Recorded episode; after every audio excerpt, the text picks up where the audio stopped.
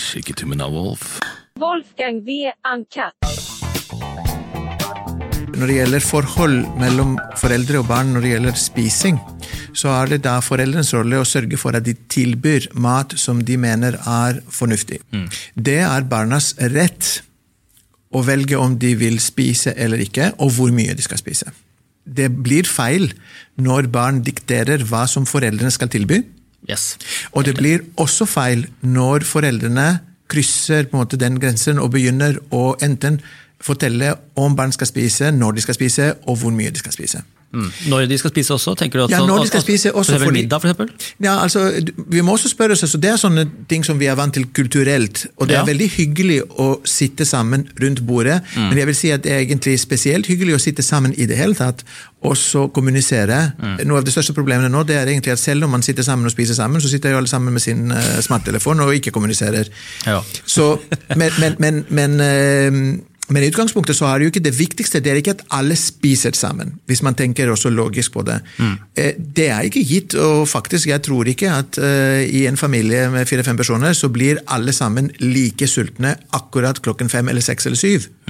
De blir sultne når de blir sultne. Og det ideelle ville vært egentlig å knytte og koble sultfølelsen med matinntak. Det er egentlig også det normale. Det, et, dyr vil spise når de er sultne, og de stopper når de har blitt? De tenker ikke å kanskje får jeg ikke mat igjen. Så, men, men hvis man skal spise, alle sammen, hvis det, hvis det hvis det er klokke, eh, klokken som avgjør, og så sier jeg klokken seks er det middag, så risikerer du at et barn som har kommet tilbake fra skolen, som var sulten før eh, Hvis at sultfølelse går over, heldigvis det også, eh, så har altså sultfølelsen kanskje gått over. Eh, og, og barnet er ikke sulten lenger. Så skal man da tvinges til å sette seg ned og spise. Og hvis det ikke det er noe som er kjempespennende, for eksempel, altså dessert er det jo selvfølgelig alltids plass til. Eh, og, og, og, så, så, så det er mye lettere også for et barn egentlig å si nei, jeg vil ikke. Og så begynner egentlig den der diskusjonen, men du må spise, og nei, jeg vil ikke, og alt det der. Eh, og så begynner også denne belønningen også, ikke sant. Eh, hvis du spiser det, så får du det. Så alt dette her blir jo egentlig forstyrret på mange måter, unødig, eh, også forholdet foreldrene foreldre og barn, og skaper også kan skape problemer med, med, med forhold forhold til mat da, som, som, som barn har. Så Det er ikke unaturlig for et barn å, ha, å tenke på at mye annet er, mer, er viktigere enn akkurat det å spise sunt. Det må komme fra foreldrene, og, det må, og de, foreldrene må da være det, det viktigste de kan gjøre, være, være selv bra øh, rollemodell. Jeg tror mange småbarnsforeldre kan kjenne seg igjen i mange ting der. Altså. Det, ja, bare ta sånn anekdotisk. Min filosofi på det er da, at jeg er jo veldig opptatt av at barna skal få fisk. Og det vet jeg jo av bare av fenomen at det er. Barn har vanskelig for å lære seg å spise fisk. Derfor er det sånn, ok, jeg gjør det som en slags investering. Jeg tvinger det ikke, men jeg vil at de skal spise fisk eh, to ganger i uka. Eh, Og det er sånn, filosofien er at det- må smakes på. Fordi Det viktigste for meg i den filosofien er at de skal lære seg fiskesmaken. For det er en litt vanskeligere smak enn kjøttdeig og spagetti og de her lette middagene. Så Det viktigste er at det blir smakt på, og at den smaken eh, blir en vane i ganen. Eller skal si på en måte at det ikke blir sånn eh, en overraskelse hver gang det kommer fisk, så er det et helvete løs rundt middagsbordet. og det liksom, At det går mer naturlig. og når, Jeg ser jo det på den eldste nå, for å fortsette det, så er det sånn, da jeg ser at en seks-sjuåring nå spiser fisk eh, etter eget ønske. liksom, Det er ikke noe sånn pyton vondt eller noe, men spiser det hun har lyst på. Mens den yngste er jo mye vanskeligere. Der er det på'n igjen med liksom nesten Jeg føler jo at det indoktrinerer dem på en positiv måte med en slags investering at bare Jeg håper det her at, at du sier takk en gang i fremtiden, eller på en måte at det her kommer du til å bare få en veldig eh, det her kommer du til å bli lykkelig av i fremtiden når du blir voksen. At du har liksom spist mye fisk. Kanskje litt mot din vilje Jeg, jeg, når du er ung. da. det, jeg synes det er litt riktig. Du skal ikke tvinge dem for å spise, og det gjør du sannsynligvis heller ikke. Du kan ikke gjøre det heller. Eh, Men å tilby det, Ja. Og prøve å gjøre det delikat og smakfullt, eh, og at du skal i hvert fall forvente at de smaker før de sier nei, det smaker ikke godt, for det kan du ikke si før du har Yes. smakt. Det er riktig. Siden så, så er det å være Jeg tror at som foreldre, jo mer nøytral man er, jo mindre på en måte fass man lager rundt akkurat eh, spisingen eller ikke-spisingen, så desto bedre er det. Det vil si, én ting i hvert fall som jeg vil si det er helt vesentlig, og det er barn må da ikke tro at det er veldig viktig for foreldrene om de skal spise eller ikke, og hva de skal spise. For da kommer det til å bli brukt mot deg. Det er ikke noe tvil om at det kommer til å bli liksom en slags eh, hva skal jeg si, kamp, og, og, og hvor eh, de sier ja, men jeg vil gjøre det hvis jeg. Eh, enten fortalt på den måten, eller at det ender opp Så, så må bare, bare tilby dette. Eh, ja, for, jeg at de får smakt før de sier 'det liker jeg ikke'. Uh, og de må også Det er ikke noe dumt, egentlig, å ikke spise en middag.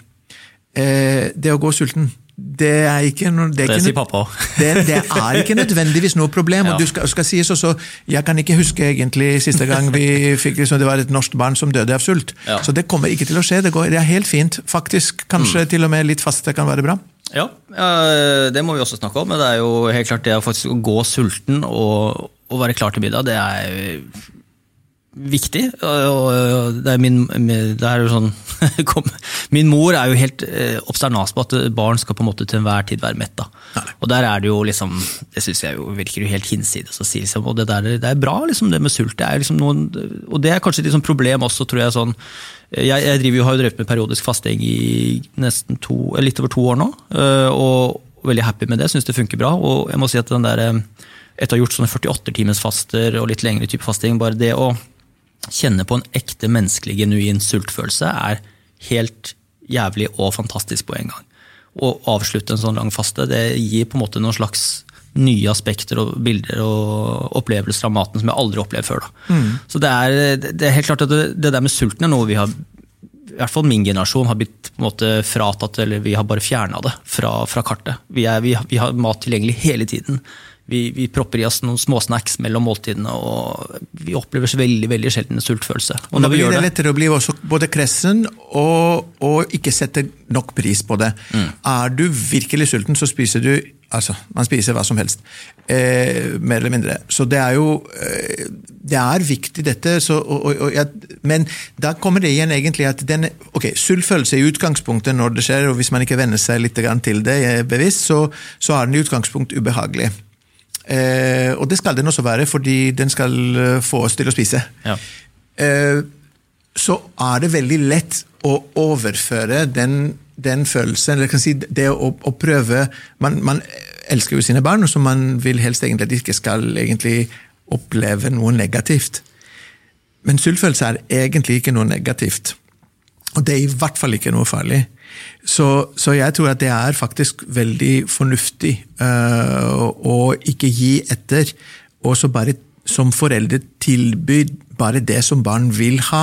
Altså Dette her på en sånn barnematgetto Ja. som man har skapt uh, også på restauranter og salmer, hvor man har liksom de berømte pommes frites og, uh, og pølser som er liksom måte, det barna blir uh, måte, eh, rolig, ja. ikke sant? Det er det de skal ha, og foreldrene Ja. blir også det.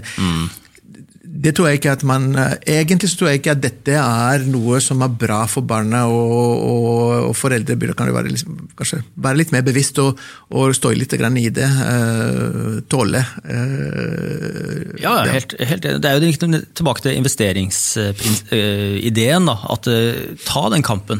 Altså, jo flere kamper du tar når barna er små, jo mer får du igjen for det senere. og Det der med å liksom gi de barnevennlige middagene hele tida, det gjør jo bare at ting blir vanskeligere og vanskeligere og mer ensidig eh, over lengre tid. Og det, og det gjør også at man blir veldig lat. Som tilbake til det vi snakka om i sted, som er bare sånn, Ja. ikke det den store elefanten i rommet her, at latskap når det kommer til spesielt kosthold, at man velger de enkle løsningene. er- Vane.